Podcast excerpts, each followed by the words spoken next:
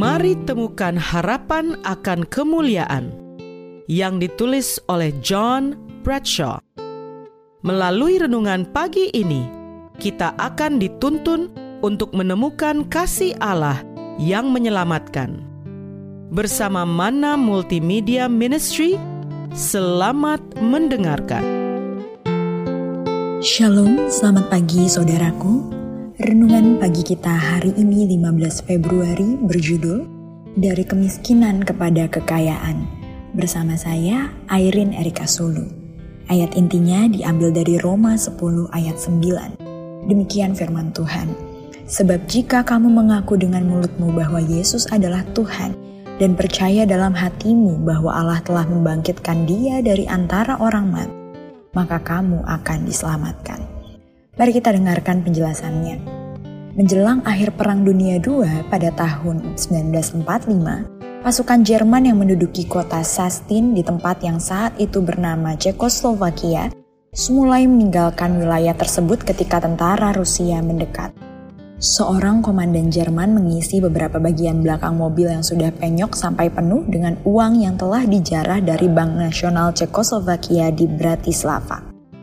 Mobil stafnya tidak cukup besar untuk jumlah bagasi yang dibawa, jadi dia menginstruksikan petani Slovakia tertentu untuk menjaga barang jarahan tersebut, memberitahu mereka bahwa suatu hari dia akan kembali untuk mengumpulkan bagasi yang tertinggal itu.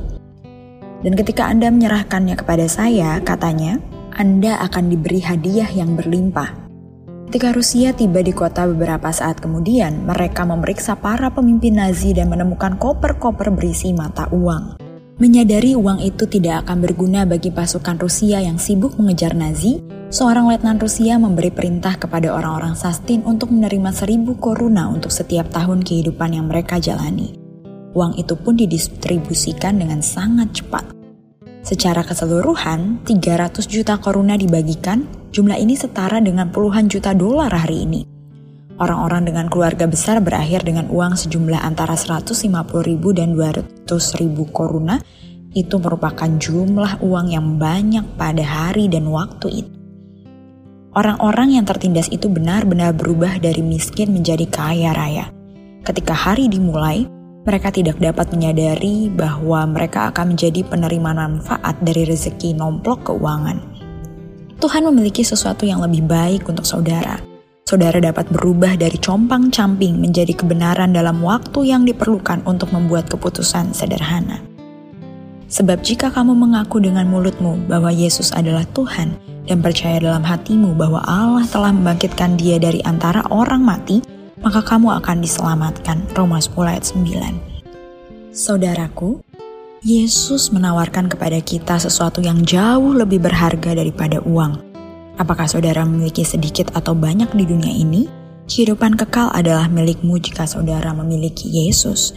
Buat keputusan untuk Yesus hari ini, dan saudara memiliki jaminan bahwa Dia akan memberi saudara kebenarannya, dan surga akan menjadi milik saudara. Doa kita hari ini, ya Bapa, terima kasih kebaikanmu hari ini, hingga kami masih berkesempatan untuk mendengar firman-Mu. Iringi kami hari ini ya Bapak di dalam nama Yesus. Amin.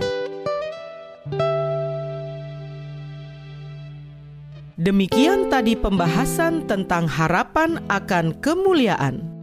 Semoga firman Tuhan hari ini dapat menjadi berkat bagi kita semua. Sampai jumpa, Tuhan memberkati.